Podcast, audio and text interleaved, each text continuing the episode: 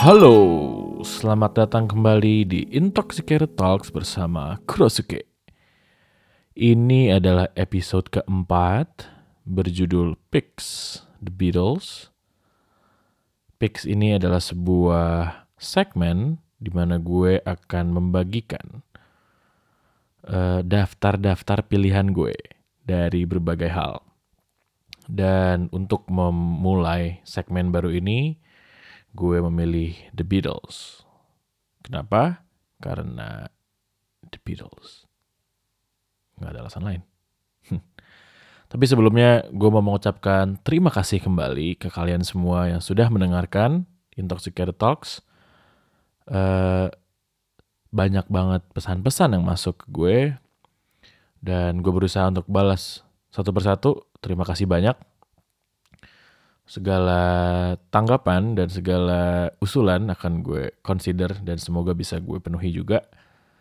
Eh, semoga kalian semua dalam kondisi sehat, semoga kalian semua dalam kondisi menyenangkan.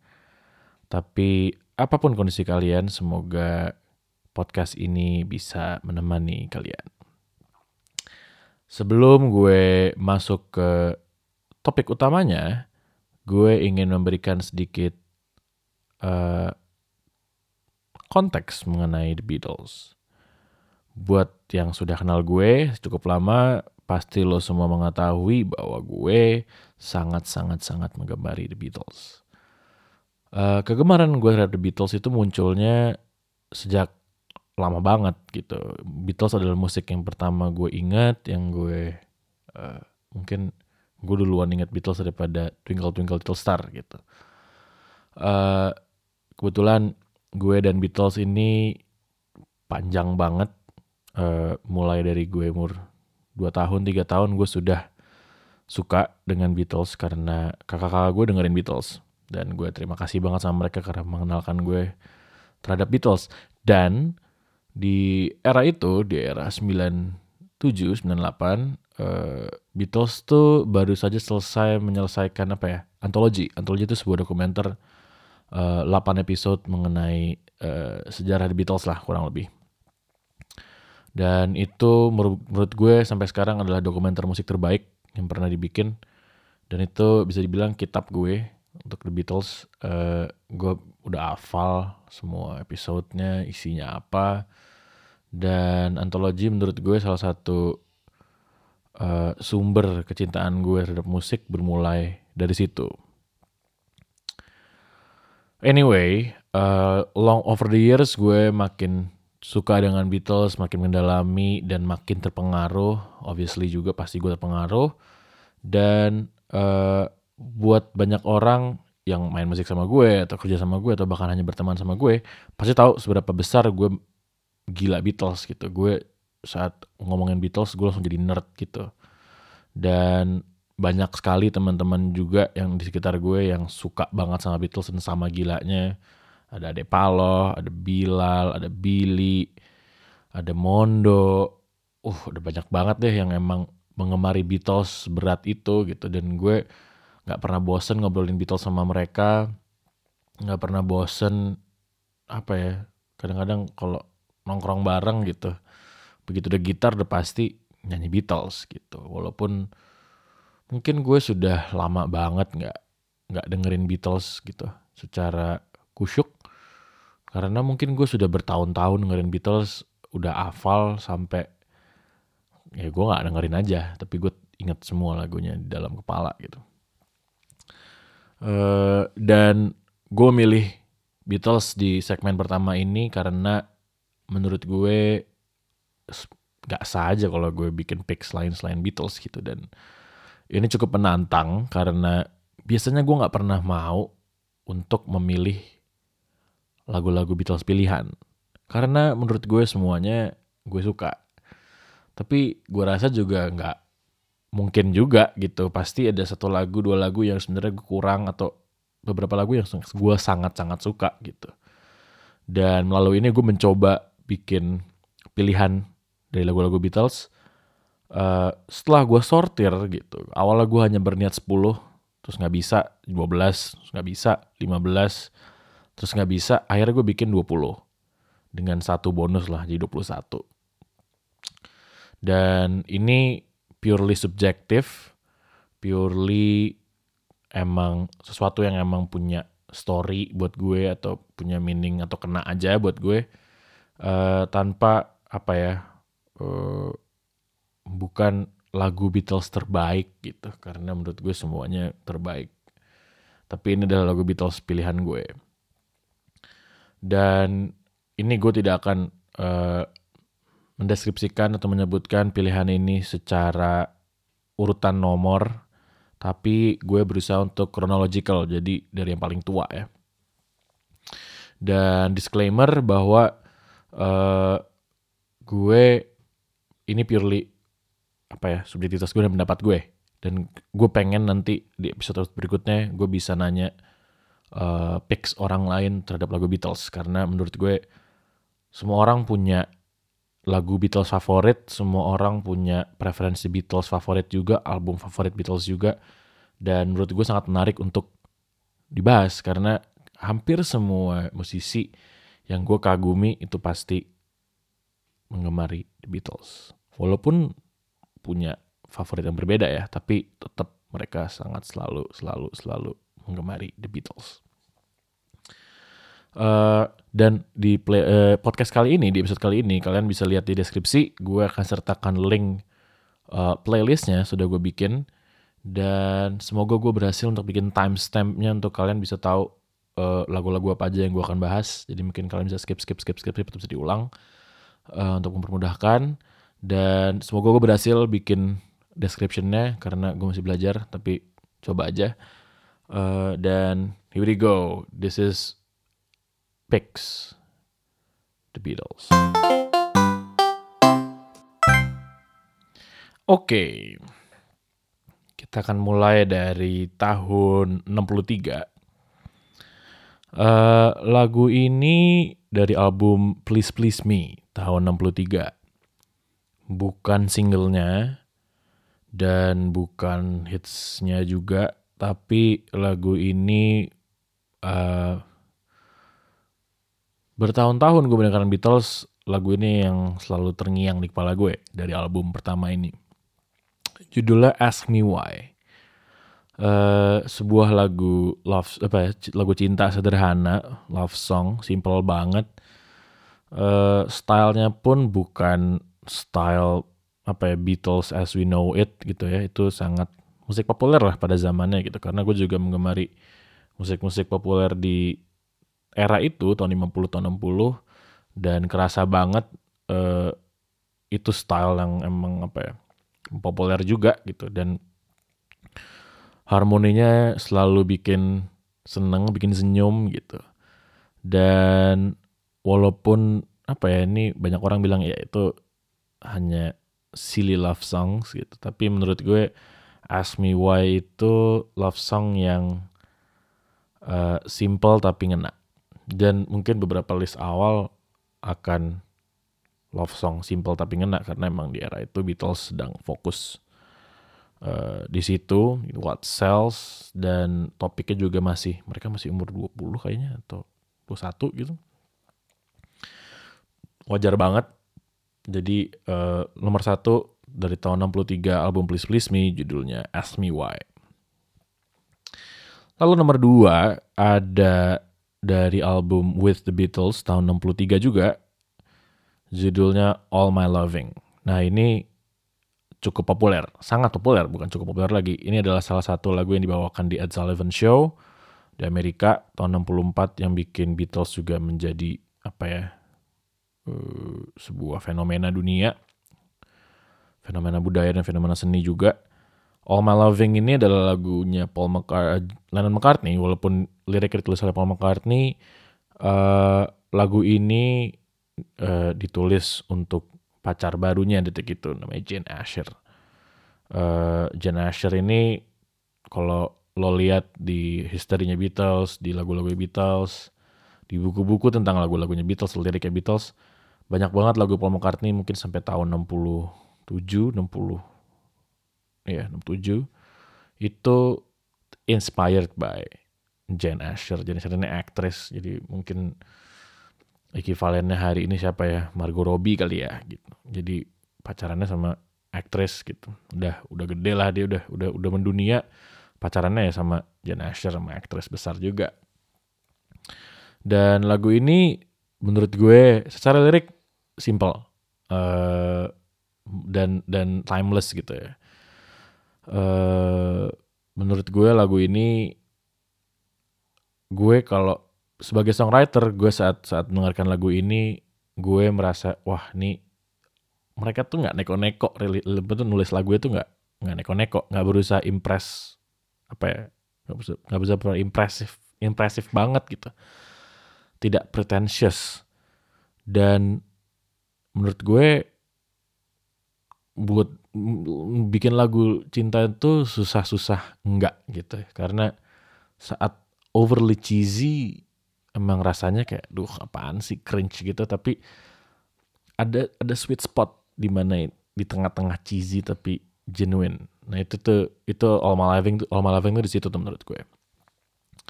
Dan ini iconic banget. Gue beruntung bisa nonton live-nya Paul McCartney 2017 lalu. Ini dibawain salah satu highlight juga. Uh, solo gitarnya pun uh, menurut gue iconic dan sampai hari ini gue nggak bisa main rhythm gitarnya John Lennon di lagu ini karena menurut gue aneh dan ajaib kayaknya cuma dia yang bisa main bener kayak gitu uh, itu nomor dua All My Loving nomor tiga dari album Hard Day's Night tahun 64 ini juga love song uh, judulnya And I Love Her. Ini lagu yang klasik juga. Dan gue pernah sekali ngebawain lagu ini uh, dalam format minimalis Kurosuke. Uh, entah kenapa lagu ini menjadi setelah gue dengarkan lagi dan setelah gue bawakan ulang uh, lagu ini adalah blueprintnya Kurosuke. Karena love songnya uh, penggunaan diksinya terus uh, metafornya analoginya dan moodnya itu rasanya Kurosuke ini kayaknya dari sini nih kayak proto Kurosuke gitu. Dan mungkin gue secara nggak sadar karena emang gue suka lagu ini pengaruhnya ke bawah nih sampai Kurosuke gitu. Dan kalau lo denger apa ya fantasy, wine, tender, uh, glitches, uh, and I love her tuh hintnya ada semua di situ. Dan uh, setelah gue dulu pas gue kecil gue menganggap ya udah lagu Beatles lagu Beatles gitu. Gue tidak pernah menganggap Beatles lagu sulit-sulit gitu. Walaupun setelah gue uh, besar sekarang setelah gue mulai serius di main musik dan uh, bikin lagu Anna Lover ini menurut gue salah satu lagu Beatles dengan harmoni paling menarik. Kuncinya bagus banget ada modulations juga solo gitar tepat guna uh, gitaran dipakai uh, George Harrison itu adalah Jose Ramirez sebuah gitar klasik buat anak klasik pasti tahu Jose Ramirez. Uh, salah satu apa ya menurut gue gue hari ini belum pernah bisa menggunakan gitar nilon di musik gue dan belum menemukan dan semoga kalau sampai ada pasti gara-gara lagu ini beberapa lagu mungkin tidak punya penjelasan yang mendalam banget ya karena kadang buat gue lagu tidak perlu punya penjelasan yang paling dalam untuk bisa gue suka gitu. Kadang-kadang emang gue suka aja dan nempel aja di kepala gue. Uh, dan mungkin early early lagu Beatles yang early ini di bawah tahun 65 tuh sedikit seperti itu. Karena memang love songs dan memang lagu yang lebih formatnya lebih minimalis lebih pop lebih lebih sederhana lah seperti nomor 4 ini di album yang sama Hard Day's Night uh, If I Fell tahun 64 nyanyi John Lennon uh, ini menurut gue menarik karena biasanya love song itu gue suka sama lo, please terima gue, lo adalah orang terbaik di dunia, lo sangat cantik. Uh, biasanya seperti itu. Tapi lagu ini menurut gue ada twistnya dan dan apa ya menurut gue ada konflik yang lebih besar daripada duh gue pengen jadian sama lo. Tapi If I Fell ini kalau lo baca lagi liriknya menurut gue ini biographical uh, John Lennon nulis ini gitu dan dia mungkin sudah berpikir untuk bercerai juga atau meninggalkan istrinya saat itu ada satu line yang menurut gue menarik gitu. If I give my heart to you I must be sure from the very start that you're gonna love me more than her. Hah? Terus gue gue saat mulai mendalami liriknya kayak hmm berarti ini kayak dia lagu ini diperuntukkan untuk orang ketiga nih gitu. Bukan bukan si istrinya sekarang atau pacarnya atau apa love interestnya dia so I hope you see that I would love to love you and that she will cry when she learns we are two. Itu menurut gue apa ya jenaka tapi at the same time menurut gue konfliknya lebih berat gitu dibandingkan cerita cinta biasa. Dan saat gue mendengarkan gue rasa banyak banget orang yang nikah atau di pernikahan atau nembak cewek atau mungkin kencan dengan lagu ini gitu. Dan menurut gue agak salah kaprah sih tapi lucu juga saat ngeliat itu karena mungkin dia tidak memperhatikan lirik ya. Cuma now you know bahwa lagu ini sebenarnya bukan sepenuhnya lagu cinta yang konvensional. Itu cheeky banget yang gue suka. Nomor 5 adalah dari album Beatles for Sale tahun 64. Ini kayak cukup terkenal, tapi bukan hits besar lah. Uh, buat beberapa orang ini adalah lagu biasa gitu. Cuma gue entah kenapa gue punya bayangan tentang pantai dan kapal dengan lagu ini gitu. Mungkin karena scene di dokumenter Beatles Anthology itu lagi scene Beatles liburan gitu di pantai. Judulnya I'll Follow the Sun. Ini ditulis di teras rumahnya Paul McCartney di Fort Lynn Road, 20 Fort Lynn Road. Gue belum pernah ke sana, cuma lihat di YouTube. Uh, dan gue juga cukup uh, beruntung bisa nonton ini live. Dibawain. Uh, Sebenarnya lagu ini adalah lumayan lagu yang kalau gue baca dari literaturnya, lagu ini adalah back katalognya Paul McCartney gitu karena di saat itu mereka harus kejar setoran rilis album jadi lagu ini muncul lah gitu dan, dan sebenarnya ditulis lama cuma kayaknya kepake terus kayak udah deh rilis deh pakai lagu ini deh gitu.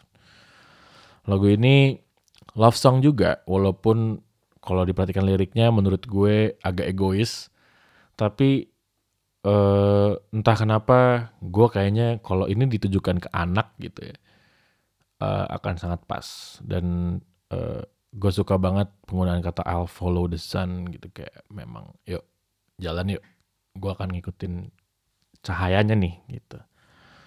It's very good gitu.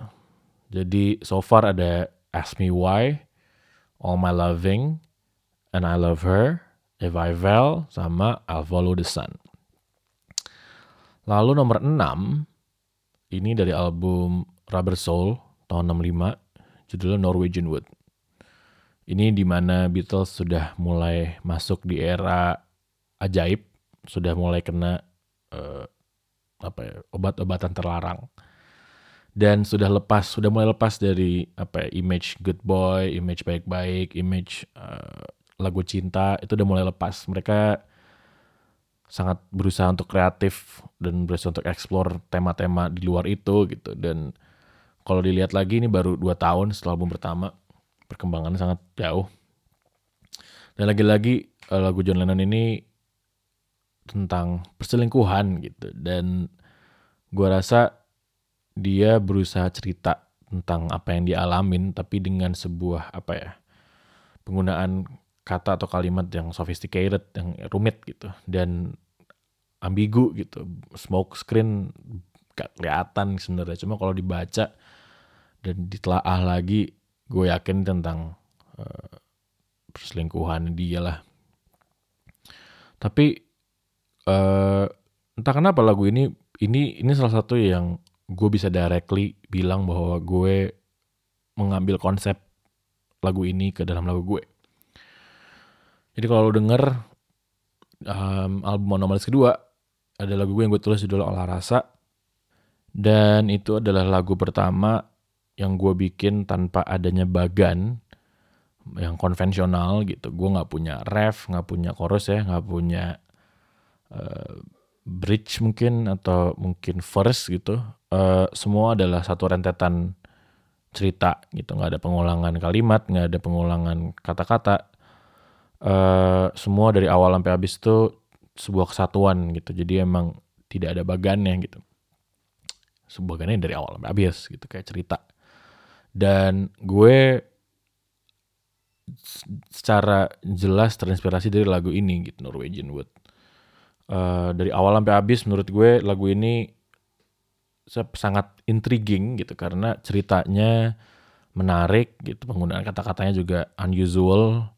Uh, dan gue merasa di sinilah jeniusnya mereka gitu. Gue gue masih kecil dan gue dengerin lagu yang gak ada bagannya yang buat gue unusual juga pada saat itu. Dan gue bisa fokus dan gue bisa ingat lagunya dari awal sampai habis.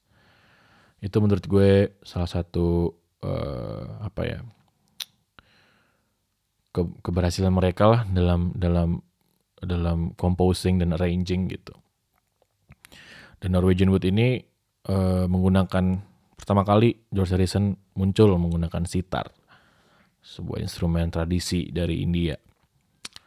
Dan uh, menurut gue ini apa ya form menulis lirik yang cukup sulit gitu. Uh, form storytelling yang emang ujung dari ujung dari awal sampai ujung tuh nggak ada nggak ada pengulangan gitu. Emang benar-benar cerita ada awalnya ada akhirnya. Dan kadang-kadang lirik lagu tidak seperti itu dan lagu lagu-lagu gue pun nggak semuanya seperti itu. Lagu-lagu gue ada banyak pengulangan juga gitu. Dan lagu-lagu mereka sebelumnya pun juga. Tapi ini menurut gue tanda di mana mereka sudah berkembang lah ke ke ke, ke level berikutnya gitu. Uh, dan walaupun gue nggak gue yakin tidak ada hubungannya dengan Harumi eh, Murakami gitu. Walaupun mungkin dia inspired juga cuma uh, lagu ini menurut gue salah satu contoh lagu Beatles yang kreatif. Dan setiap kali gue denger lagu ini gue selalu merasa oh gue harus mikir kreatif gue harus mencari sesuatu yang uh, interesting. Setidaknya buat gue sendiri. Oke nomor tujuh uh, You Won't See Me dari Rubber Soul juga tahun 65 ini salah satu lagu break up atau mungkin lagu berantem uh, yang ditulis Paul McCartney yang alhamdulillah sudah pernah gue tonton.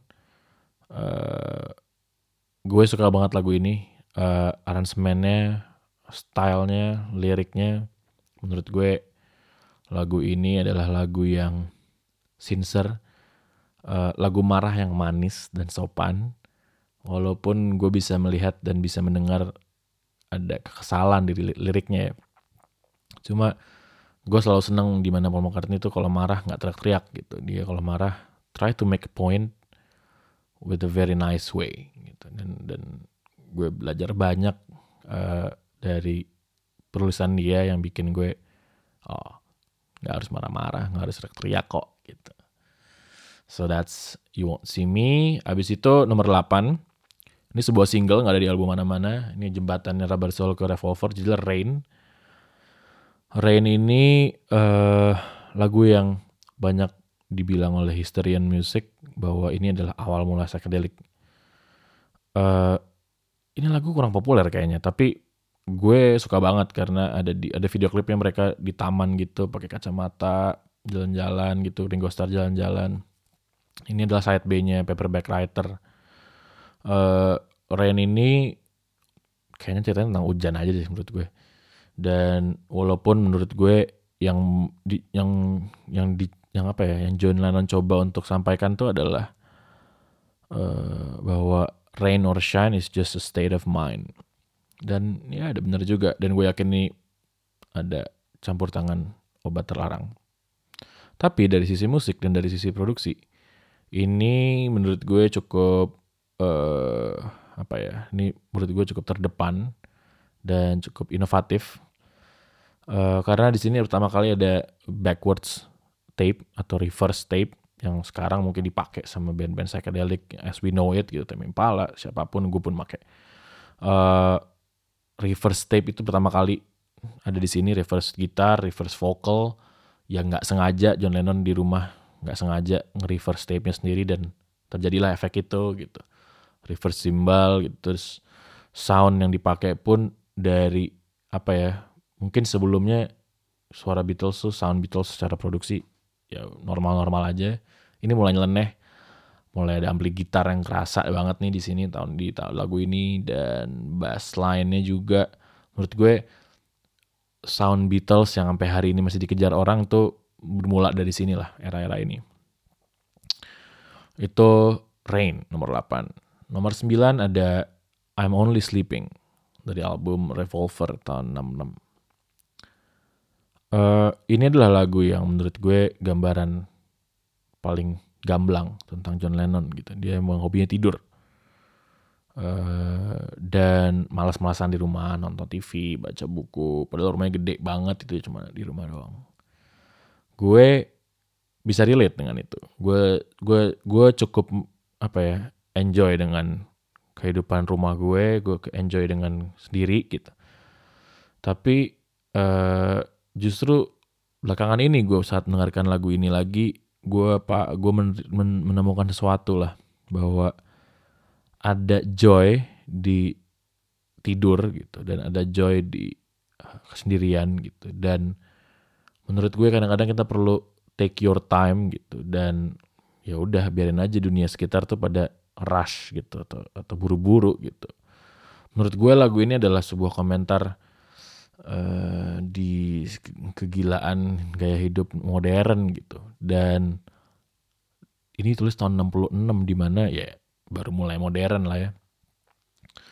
Uh, cuma menurut gue sampai hari ini pun gue bisa relate banget dengan segala kegilaan dan segala apa ya, cepatnya dunia ini berjalan. Kadang-kadang udah ya udah deh. Dan tanpa gue sadar ternyata lirik gue uh, di lagu Nomalis kaca inspired dari sini in a way. Jadi udah sangat merasuk ke dalam diri gue sampai gue udah nggak sadar gitu. Oke nomor 10 For No One dari album Revolver. Uh, ini kayaknya lagu breakup dan dari yang gue baca ini ditulis dari di Swiss saat dia habis berantem habis berantem terus dia ke kamar mandi bikin lagu simple dan jadi ini dan salah satu lagu paling menyedihkan buat gue lagu yang ada apa ya bukan sedih sih lebih ke iba atau lebih ke apa ya aduh melankolis kali ya. Uh, instrumennya bagus ada harpsichord uh, dan French horn kalau nggak salah. Yang main tuh uh, seingat gue namanya Alan Seville dia tuh sebuah pemain uh, seorang pemain French horn terkenal di era itu di London Philharmonic. Dan partnya juga dia bikin sendiri Uh, nah ini nomor 11. Ini single, walaupun masuknya di album Magical Mystery Tour, teman ini sebenarnya single uh, Strawberry Fields Forever. Ini sudah menurut gue lagu mereka paling futuristik, paling avant-garde. Uh, panjang cerita lagu ini, uh, ditulisnya dari tahun 66 saat John Lennon lagi syuting film. Uh, ada beberapa kata lain dari lirik ini yang gue suka uh, it's getting hard, but it all work out. It doesn't matter much, it's all wrong. Living is easy with eyes closed, misunderstanding all you see. No one I think is in my tree.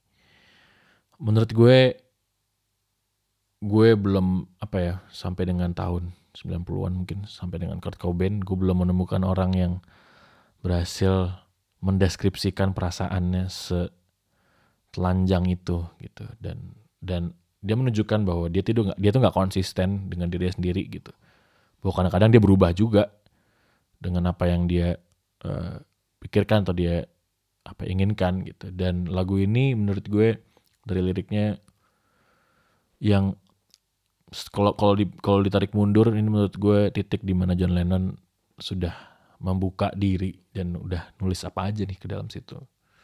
Itu menurut gue salah satu lagu paling ajaib paling hebat. Uh, dan secara musik menurut gue ini ajaib. Uh, ada Mellotron yang akhirnya gue pakai di semua lagu gue dan dipakai semua orang juga kayaknya, termasuk Widi. Uh, dan apa ya Meltron menurut gue salah satu staple era itu dan gue pun suka banget sama suaranya orkestrasinya menurut gue ajaib juga dibikin sama George Martin dan fun fact bahwa lagu yang kali yang kita denger nih hasil akhirnya adalah tempelan tiga atau empat rekaman yang berbeda. Beda hari beda tempo beda kunci.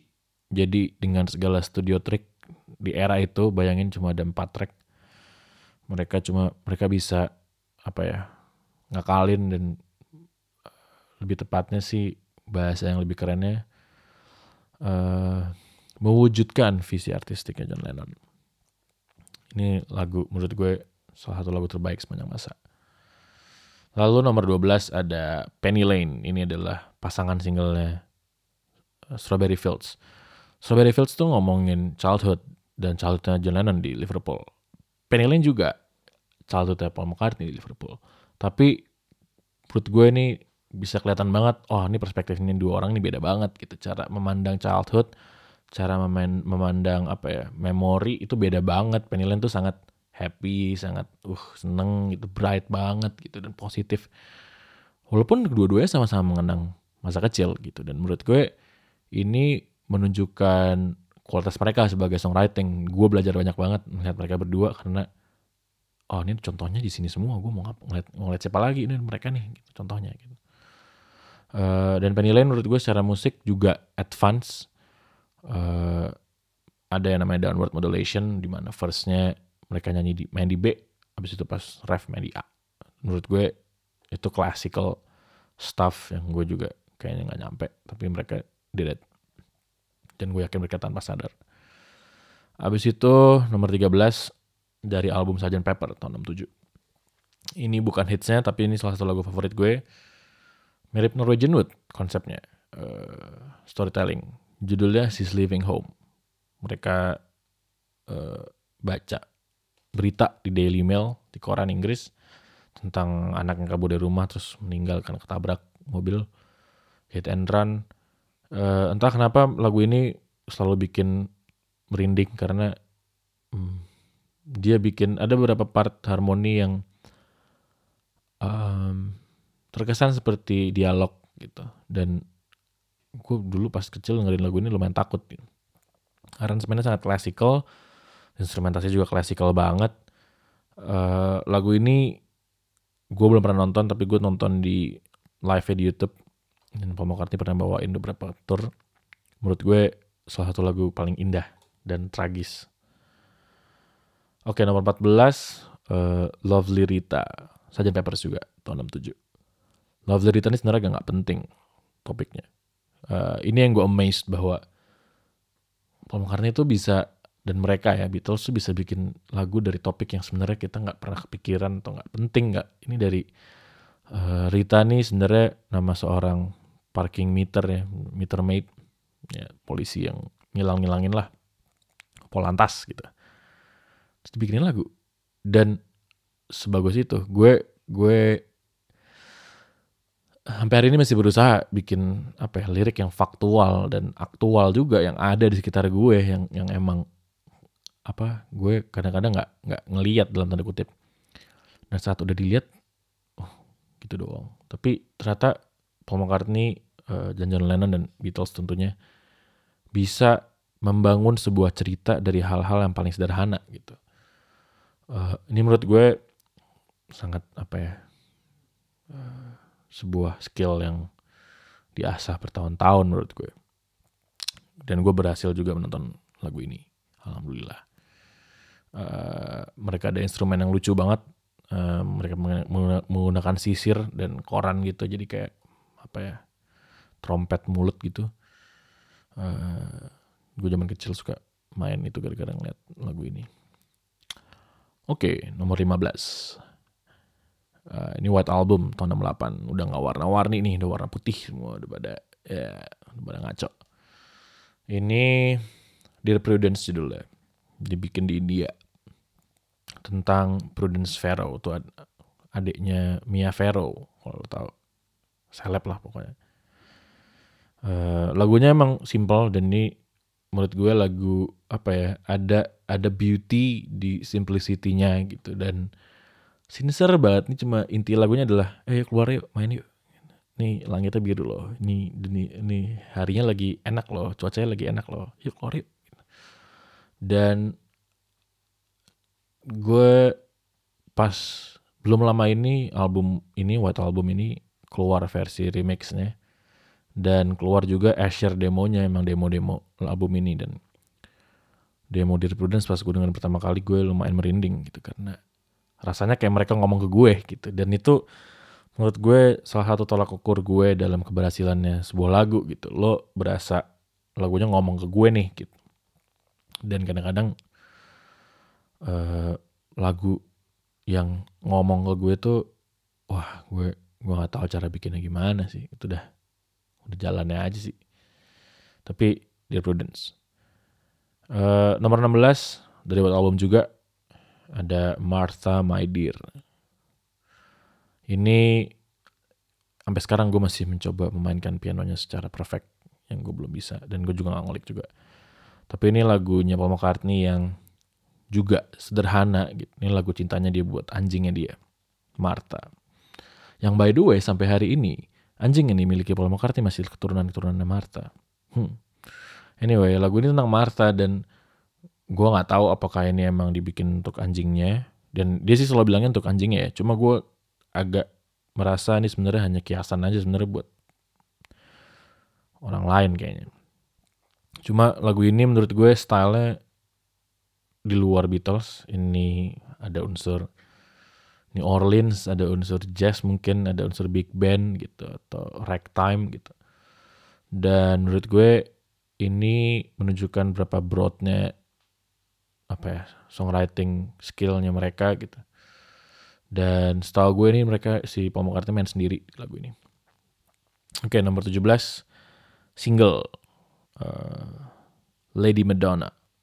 Ini juga piano song banget gitu yang gue lumayan lumayan sering rasanya kalau begitu main piano. Langsung ya udah langsung bawain lagu ini aja gitu. Salah satu lagu piano piece-nya Paul McCartney yang paling gue suka dan skillful, uh, amazed dengan gue nggak pernah kebayang gimana cara dia bikin lagu ini. Saat gue belajar piano dulu salah satu target kayak bisa main lagu ini gitu dan lumayan lah. Bisa itu doang, bisa itu gue nggak bisa yang lain. Tapi si Lady Madonna ini juga gue kalau lo perhatiin lagu ini sebenarnya ada yang gue curi yaitu uh, drum patternnya yang gue ambil untuk Little Joy di Kurosuke. Kenapa? Karena entah kenapa di semua lagu Beatles pattern drumnya nggak ada yang nggak pas.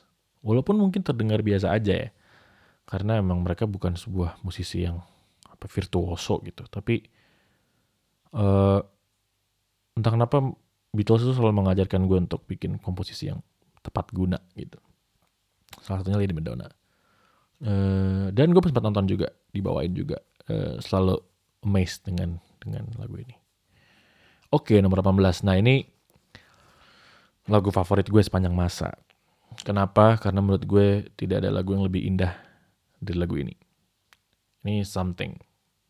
Lagu George Harrison dari album Abbey Road dibikinnya ya udah lama sih kayaknya tapi ini direkam tahun 69 although rilisnya juga tahun 69 ini direkam paling terakhir lah sebelum Let It Be gitu eh setelah Let It Be walaupun dirilisnya belakangan ya cuma ini menurut gue ini lagu perfect dari segi lirik uh, harmoni melodi composition arrangement production apa pun itu you name it ini adalah sebuah lagu paling perfect menurut gue.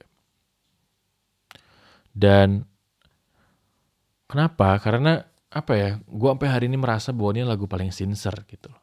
Dan more than just love song gitu. Ini ini emang dia tidak dia tidak berusaha untuk ngomong ini ke orang atau dia tidak berusaha ngasih ini ke orang tapi dia hanya ini loh yang gue rasain gitu dan hmm, gue nggak tahu berapa kali jatuh cinta dengan lagu ini dan berusaha untuk bikin lagu sebagus ini dan uh, as you imagine nggak nyampe tapi ini lagu favorit gue sepanjang masa. Belum pernah nonton live-nya, tapi dibawain Paul McCartney dengan ukulele. Salah satu versi uh, apa ya, cover paling gue suka ya cover Paul McCartney gitu, salah satu yang paling keren. Uh, buat gue ini juga solo gitar paling keren sepanjang masa karena bagus banget gitu dan kayaknya yang gue tuju tuh ya mencapai titik songwriting seperti ini nih something. Oke nomor 19 Here Comes the Sun. Josh Edison juga dari album Abbey Road uh, menurut gue saat denger judulnya udah kebayang seperti apa sih sebenarnya. Dan saat denger lagunya baru denger intronya dia langsung oh sunshine nih gitu. Dan sekarang hujan. Tapi menurut gue lagu ini uh, sebuah karya George Harrison di penghujung era Beatles yang gila yang menurut gue masterpiece gitu. Dan uh, little fun fact juga dia juga bikin lu-nya Here Comes the Moon di album solonya. Tahun 74 kalau nggak salah. Uh, ya lawannya inilah. Uh, tapi Here Comes the Sun menurut gue kalau dengar ceritanya dia lagi bete dia lagi berantem sama Beatles lagi ngurusin banyak hal bisnis legal dan segala macam dia bete dicabut dia ke rumah Eric Clapton teman baiknya dia di Inggris juga. Terus Eric Clapton punya taman gede gitu ya wajar orang kaya. Ini taman gede banget terus dia ngambil gitar jalan kaki berdua terus kayak hmm wah bentar lagi spring nih karena habis winter. Bentar lagi spring nih gitu. sudah langsung bikin. Little Darling gitu kayak. Dan gue uh, sesuatu intro gitar dan setelah lagu yang paling menyenangkan ya menurut gue. Here Comes dan ada versi favorit gue dari Here Comes the Sun uh, versinya Nina Simone itu salah satu cover versi yang paling keren menurut gue gue check it out um, oke okay, nih 20 uh, Golden Slumbers album Abbey Road juga. Kenapa ya Abbey Road? Gue jujur sebenarnya Abbey Road itu adalah album terbaik uh, buat gue dan album favorit gue juga. Dan bertahun-tahun gue mempelajari uh, lagu itu, gue selalu berusaha untuk mempelajari lagu itu. Uh, album itu gue pelajari, gue dengerin terus, gue coba apa ya? Gue coba work out lah, ini isinya apa aja sih? Gue coba reverse engineer lah dan banyak banget yang menurut gue itu bakal gue yang lumayan paling besar gitu untuk untuk bermusik, untuk songwriting, untuk producing, untuk production. Dan Golden Slumbers ini menurut gue salah satu lagu uh, Beatles yang underrated tapi impactnya gede. Entah kenapa gue rasanya kalau denger ini rasanya pengen nangis karena wah ini kayak udah kelar gitu, kayak hidup tuh udah mau selesai gitu. Dan menyentuh juga liriknya sebenarnya dia cuma bikin satu line doang Uh, sisanya dia hanya ngambil sebuah puisi orang dari tahun 1600 sekian gitu kayaknya. Dan uh, gue juga beruntung banget ini jadi menjadi lagu penutup yang Paul McCartney waktu itu pas gue nonton konser. Spesial banget jadinya buat gue. Dan lagunya pendek karena ini potongan medley-nya dia di Abbey. Cuma salah satu lagu ter mengenyuhkan si uh, Slumbers. Oke, okay. itu 20 lagu. Jadi kalau gue recap, ada Ask Me Why, All My Loving, And I Love Her, uh, If I Fell, ada I'll Follow the Sun, ada Norwegian Wood, ada You Won't See Me, ada Rain, ada I'm Only Sleeping, For No One, Strawberry Fields Forever, Penny Lane, She's Leaving Home, Lovely Rita, Dear Prudence, Martha My Dear, Lady Madonna, Something, Here Comes the Sun, dan Golden Slumbers. Banyak ya? Banyak banget ya. Tuh aku pas milih juga bingung, cuma apa deh. Dan ini semua lo bisa dengarkan di playlist yang sudah gue bikin. Dan lo coba, siapa tahu lo setuju. Atau enggak. Atau mungkin lo belum pernah dengar Beatles. Ini adalah saatnya menurut gue. Lo tidak akan menyesal Uh, cuma gue ada honorable mention karena gue tadi berdebat dengan diri sendiri apakah lagu ini layak masuk atau enggak. Lagu ini sebenarnya tidak technically nggak dirilis oleh Beatles gitu karena lagu ini bertahun-tahun kemudian tahun 96 di antologi masuk. Dan terakhir di Abbey Road versi remix tuh uh, yang deluxe masuk juga gitu versi demonya. Karena lagu ini dibikin direkam di sessionnya Abbey Road tapi dikasih ke band namanya Badfinger dan jadi hits mereka lah. Judulnya Come and Get It nih lagunya Paul McCartney. Uh, dia bikin lagu ini dan menurut gue salah satu lagu unreleased Beatles yang paling bagus uh, ini akhirnya mereka si Paul McCartney bikin demonya di sessionnya Abbey Road dan main sendiri semua. Main drum sendiri main maracas sendiri, main piano sendiri, main bass sendiri, nyanyi sendiri segala macam dan itu cuma bikin kayak sejam gitu atau dua jam. Dan sebenarnya kenapa gue aspire to be musician, kenapa gue mau jadi Kurosuke bikin semua sendiri karena si Mbah Paul ini karena semua mereka gue belajar dari dia lah gitu. Ngeliat dia dan dari kecil gue pengen seperti dia juga gitu. Dan uh, apa ya walaupun nih Kamen Garrett nih sebenarnya ada versi Badfingernya juga gitu. Dan gue include juga nanti. Uh, tapi gue masih merasa ini lagu sebenarnya seharusnya masuk ke lagu Beatles gitu dan kalau misalkan Beatles itu tidak bubar gue rasa ini masuk. Tapi ya ternyata bubar jadi ya udah. Jadi masuk. Uh, dan gue gue yakin ada banyak banget lagu yang sebenarnya harusnya masuk ke list ini tapi gue pun juga bingung dan gue rasa kayaknya akan ada waktunya di mana gue bikin podcast dengan episode yang sama dan beda isinya gitu. Cuma uh, yang ingin gue sampaikan bahwa Beatles itu punya impact yang besar terhadap gue dan gue rasa terhadap musik dan terhadap popular culture dan terhadap apa ya seni gitu. Uh, banyak orang terutama di generasi gue yang yang yang tidak begitu mengenal Beatles dan tidak uh, bisa mengapresiasi sebegitu besar gitu.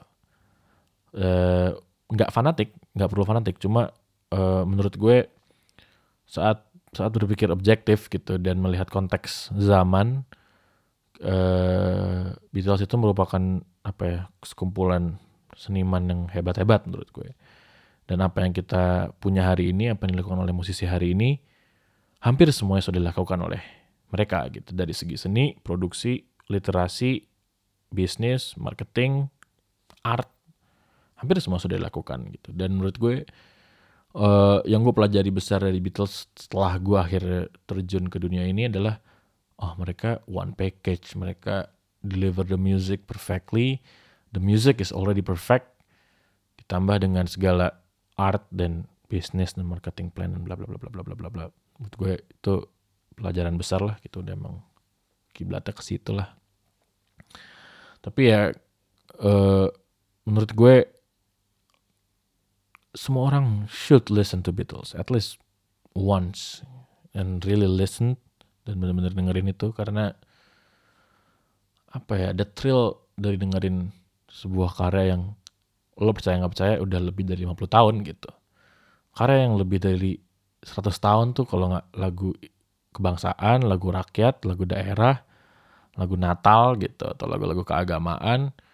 Uh, tapi ini pop culture yang pop apa ya sebuah seniman pop gitu yang masih bertahan sampai hari ini dan sampai hari ini masih ada suatu hal yang baru gitu masih dipelajari masih di uh, kulik masih dicari tahu gitu. Dan menurut gue wajar gitu. Dan ini sebuah apa ya sebuah visi gue lah gitu. Gue saat gue bikin sebuah karya saat gue bikin sebuah musik gue pengen itu last lama gitu. Dan dan mungkin setelah guanya nggak ada gitu. Dan tetap ada nih si karya gue. Suatu yang universal karena apa yang buat apa yang mereka buat itu universal walaupun sangat personal tapi in a way mereka sangat universal dan relatable juga dan tidak neko-neko mereka tidak berusaha untuk pretentious. Ngomong-ngomong aja hal sederhana-sederhana. Tapi menurut gue ada keseriusan ada integritas yang mereka pertahankan sebagai seniman. Jadi menurut gue Beatles adalah sebuah apa ya grup musik atau seniman yang paling mutakhir di generasi inilah dan kayak lagi ini objek eh, sangat-sangat subjektif ya gitu dan uh, untuk bilang dia adalah best band of the world menurut gue sebuah understatement gitu karena dia nggak sekedar band juga gitu. dia melakukan semuanya lah gitu. Dan sekarang lo setelah kalau lo masih bertahan di menit ke-50 ini, berarti lo sekarang sudah menyadari bahwa satu, gue nerd banget, kedua, lo berarti fans Beatles. Dan if you're a fellow Beatle people like me, then hello. Nice to meet you, mate. Tapi ya yeah, anyway, uh, itu adalah picks gue untuk lagu Beatles. Mungkin habis ini gue mau mencoba ngajak teman-teman gue yang menggemari Beatles untuk ikutan dan ngebahas karya-karya Beatles juga. Dan sebisa mungkin gue akan menyebarkan ini dan membiarkan ini tetap apa ya tetap ada lah ini. Mungkin apa anak-anak gue cucu-cucu gue. Dan um, Beatles uh, picks ini juga nantinya semoga gue bisa bikin uh, edisi lain. Uh, ada banyak banget artis-artis yang gue suka banget. Beach Boys ada Billy Joel, ada Elton John, ada apa ya, uh, banyak banget deh gitu. Dan menurut gue nanti, even artis Indonesia ada Guru Soekarno Putra, ada Chandra Darusman, ada Malik, ada wah banyak banget deh. Dewa.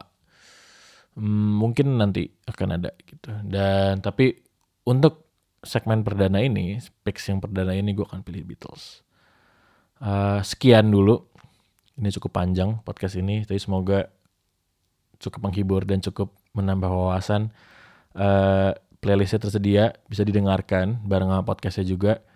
Uh, semoga gue berhasil bikin timestampnya dan semoga gue bisa berhasil uh, menghasilkan playlist yang cukup solid untuk kalian.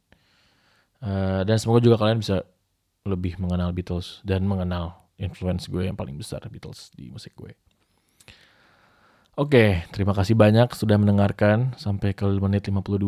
Semoga kalian terhibur.